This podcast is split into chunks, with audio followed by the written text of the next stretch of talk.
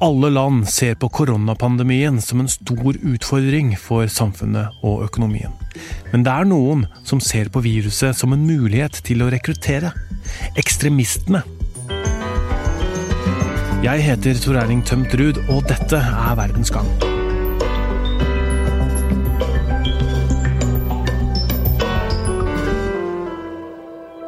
både högerextremister och, och jihadisterna, de är ju ute till att skapa polarisering i samhället. Till att eh, för, försöka eh, teckna en bild på att staterna inte kan hantera de här frågorna, att de inte kan eh, säkra medborgarnas eh, eh säkerhet. Eh, eh, och det gör de allt för att utnyttja. Detta är terrorforsker Magnus Ranstorp. Han är internationell terrorexpert och forskningsledare vid Försvarshögskolan i Sverige. Han forklarer at det er mange ulike grupper ekstremister som kan utnytte dagens situasjon. Ekstremister er et samlebegrep for bevegelser eller ideologier som ikke aksepterer en demokratisk organisering, og som vil bruke vold til å oppnå sitt ideologiske mål. De kan da benytte seg av terrorisme, som kort betyr å skape frykt i en befolkning. Ifølge Ranstorp er da radikalisering en prosess som individer gradvis gjennomgår for å akseptere vold som et verktøy.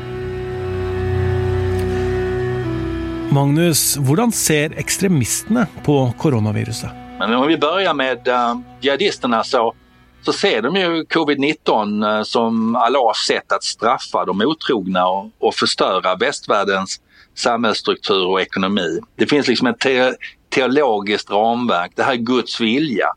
Och det är ju faktiskt så att IS uh, eh, förutspådde en global pandemi redan den 2 februari Eh, då fokuserar man lite my ganska mycket på Kina och att det var en bestraffning för hur de behandlar uigurerna. Eh, de begår ju övergrepp mot eh, uigurer i, västra Kina. Uh, och uh, sen då den 27 februari så upprepade man det en andra gång att det var Guds bestraffning även för muslimer som inte följt fel väg. Man ger hygienråd i covid-19 tider. Eh, och man eh, uppmanar också vissa sympatisörer till att begå terrordåd mot väst eller svaga stater. Eh, att få en regime change, alltså att, att kasta omkull stater som är svaga för att förstärka det här kaoset. Ranstorp forteller også at jihadistene forsøker å fokusere på fria IS-fanger som sitter i leire. Sånn at mens eh, alle andre er opptatt med korona, så prøver de på en offensiv for å få løs fangene, ifølge Ranstorp. Men det finnes ekstremister mye nærmere oss, som også ser koronasituasjonen som en mulighet. När det gäller högerextremister och vit makt, alltså nazisterna och andra, så, så har de också varit ganska snabba. Vi har ju motståndsbevägelsen, eh, den nordiska motståndsbevägelsen som som har sitt, eh, sin bas i, eh, i Sverige. Och, och de har ju börjat med eh, en, en podcast. Varje veckodag så uppdaterar de information på hur landet förändrats, hur företagen går i konkurs och, och, och, och det, här, det här att samhället står inför en kollaps. Och sen ger man råd för hur man ska överleva detta. Så de, de sprider ju också teorier kring ehm, eh, coronakrisen. Dels pratar man om om uh, den här judiska konspirationen, uh, antisemitiska föreställningar. Um, uh, och sen pratar man också om övervakningssamhället. Det vill säga man får Google och Apple installera corona övervakningsappar i mobilsystemet och de, de försöker ju få fram att det här är en konspirationsteori som kommer att begränsa livet för, eh, för vanliga medborgare. Så, så de är väldigt aktiva, både högerextremister och eh, jihadister. Hur menar du att eh, olika typer extremister nu utnyttjar eh, denna krissituation? Alltså, de utnyttjar det propagandamässigt. Eh, de utnyttjar det på att eh, det, antingen är det bestraffning eller så så gäller det för oss att utnyttja detta. De, de försöker rekrytera nya medlemmar, de försöker, de, de försöker um, runda massmedia, den traditionella massmedian, um, som de inte gillar utan de vill ge ut den här informationen på hur man ska förhålla sig till corona och att det är de faktiskt som ger dem den, den sanna och den rätta informationen. Sen när det gäller jihadister och, och, och eh, ja, våldsbejakande islamistiska grupperingar så så har de varit väldigt aktiva med att eh, också försöka använda den här sociala isolationen med att rekrytera nya medlemmar, rekrytera sympatisörer, producera propaganda eh, och de, har, de ramar in det i, ett, eh, i en berättelse, en, ett narrativ om eh, att det här är Guds bestraffning. Eh, titta, nu vänder allting. Eh, kalifatet kollapsade men vi, vi står inför domedagen och det här är ett tecken ytterligare på att eh, domedagen är nära och att eh, staterna förlorar sitt grepp. Kan vi då exempelvis slå till med terror i den här miljön eh, så, så kommer det skapa ännu mer kaos och förstörelse. Som Ranstorp förklarar är det lättare att nå in till människor när alla isoleras. Han pekar också på att ökt arbetsledighet kan föra till mer osäkerhet och göra det lättare att rekrytera in i extremistiska miljöer den typen av vad ska jag säga, radikalisering och, och rekrytering sker både uh, online och uh, offline. Um, och um, det är ofta ensamma personer som försöker hitta sin, uh, sin, sin, tillvaro som är, som är kanske lite utslagna och som vill hitta sin roll och um, som är ofta hemma mycket och, och surfar runt på olika sidor. Och det vet de här grupperna och därför accelererar de sina försök till att rekrytera. Ifølge Ranstorp oppfordrer også IS-sympatisører til å utføre terrorangrep i disse tider. Det florerar runt där ute att eh, man ska, man ska försöka genomföra attacker om det går. Vi har ju sett några attacker som har, har eh, eh, genomförts. Vi hade en knivattack i Frankrike, vi hade också försök mot en amerikansk militärbas i Tyskland. Um, men vi får väl se hur mycket det påverkades av de här uppmaningarna. Men, men de uppmaningar som finns där kan leda till att folk ehm, eh, som följer de här grupperna, eh, ja, ensamagerande, att de genomför eh, olika former för, för, för våldsattentat. Okej okay, Magnus, eh, tack för att du var med i podcasten. Ja, tack själv.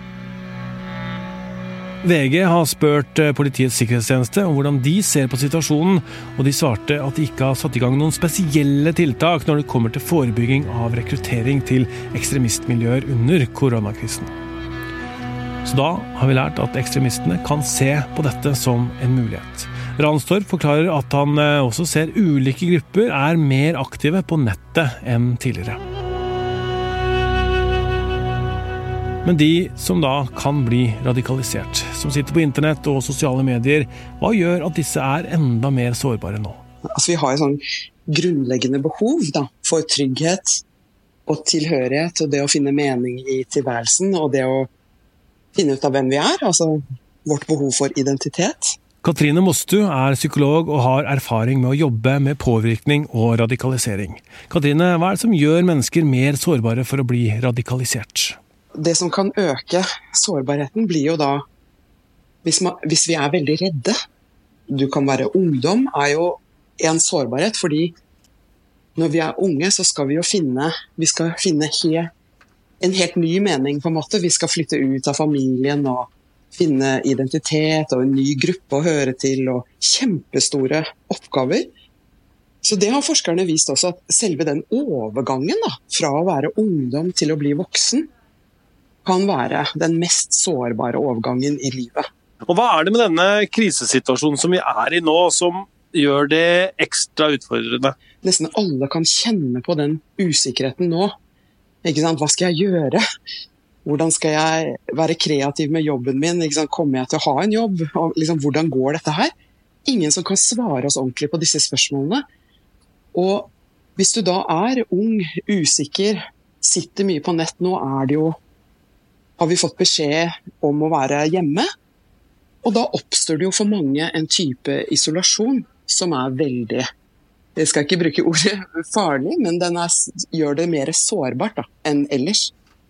Sånn, sånn at det, fordi at vanligvis eh, så blir vi korrigert av våre venner, eller på jobben. Liksom, så kommer vi, slenger vi ut med en litt sånn konspiratorisk tanke, kanskje, og så, og så får vi korreks på den.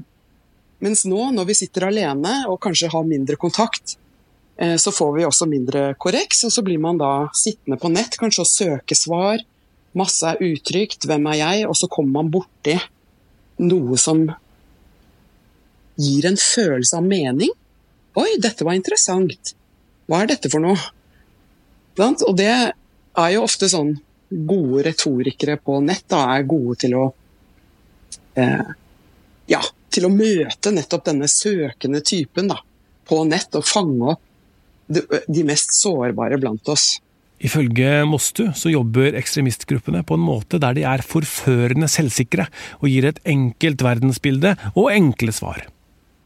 Så det at man er da usikker, det er, eh, man er kanskje litt redd, eh, og, og, det er mye usikre tider nå, det er ingenting som har svaret på noe, så søker man etter noe, da, og så kommer man borti eh, noen som er selvsikre og som har et budskap som man liksom tenner på, så er det eh, med på å, å, dra deg inn eh, i en sånn ekstremistgruppe, da, hvis det er det man treffer.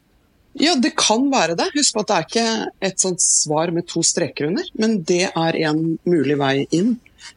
Og så den usikkerheten, Det som er interessant, er jo at når vi er usikre, så ser vi utenfor oss selv etter svar.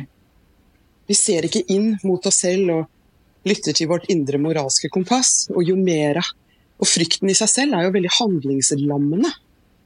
Og hvis jeg føler meg handlingslammet og redd, så øker jo min automatiske Da vil jeg da, hvis jeg treffer en som jeg opplever som troverdig ekspert på det han eller hun snakker om, så vil jeg kanskje kjøpe det mye raskere. Fordi problemet jeg står overfor nå, det er jo å velge hvem er det jeg skal høre på. Jeg ser, jeg må ha svar. Hvem skal jeg høre på? Så problemet er da Klarer jeg å skille mellom falsk og riktig informasjon? Og klarer jeg å skille mellom ekte og falske eksperter? Men som psykolog, da.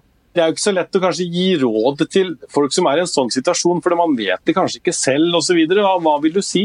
Jeg vil si at det er vi som er rundt, eh, som vi kan gi råd til. Da. At vi, hvis vi kjenner noen som sitter alene, eller kjenner noen som har en hang til konspirasjonsteorier, så er det jo viktig å møte disse menneskene med en ikke-dømmende holdning. Prøve bare ta kontakt, være sammen med dem. Eh, gjøre så godt vi kan da, på å opprettholde kontakten med dem, selv om de kanskje er i en vanskelig fase.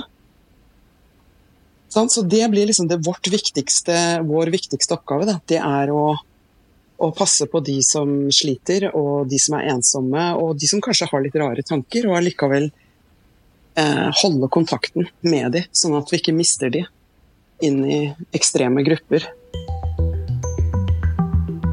Ok, takk for at du var med i podkasten, Katrine Mostu. Så bra, da håper jeg det var nyttig. Verdens Gang lages av Emilie Hall Torp, Kristine Hellesland, Nora Torp Bjørnstad. Jeg heter Tor Erling Tømt Ruud, og Magne Antonsen er vår tekniske produsent.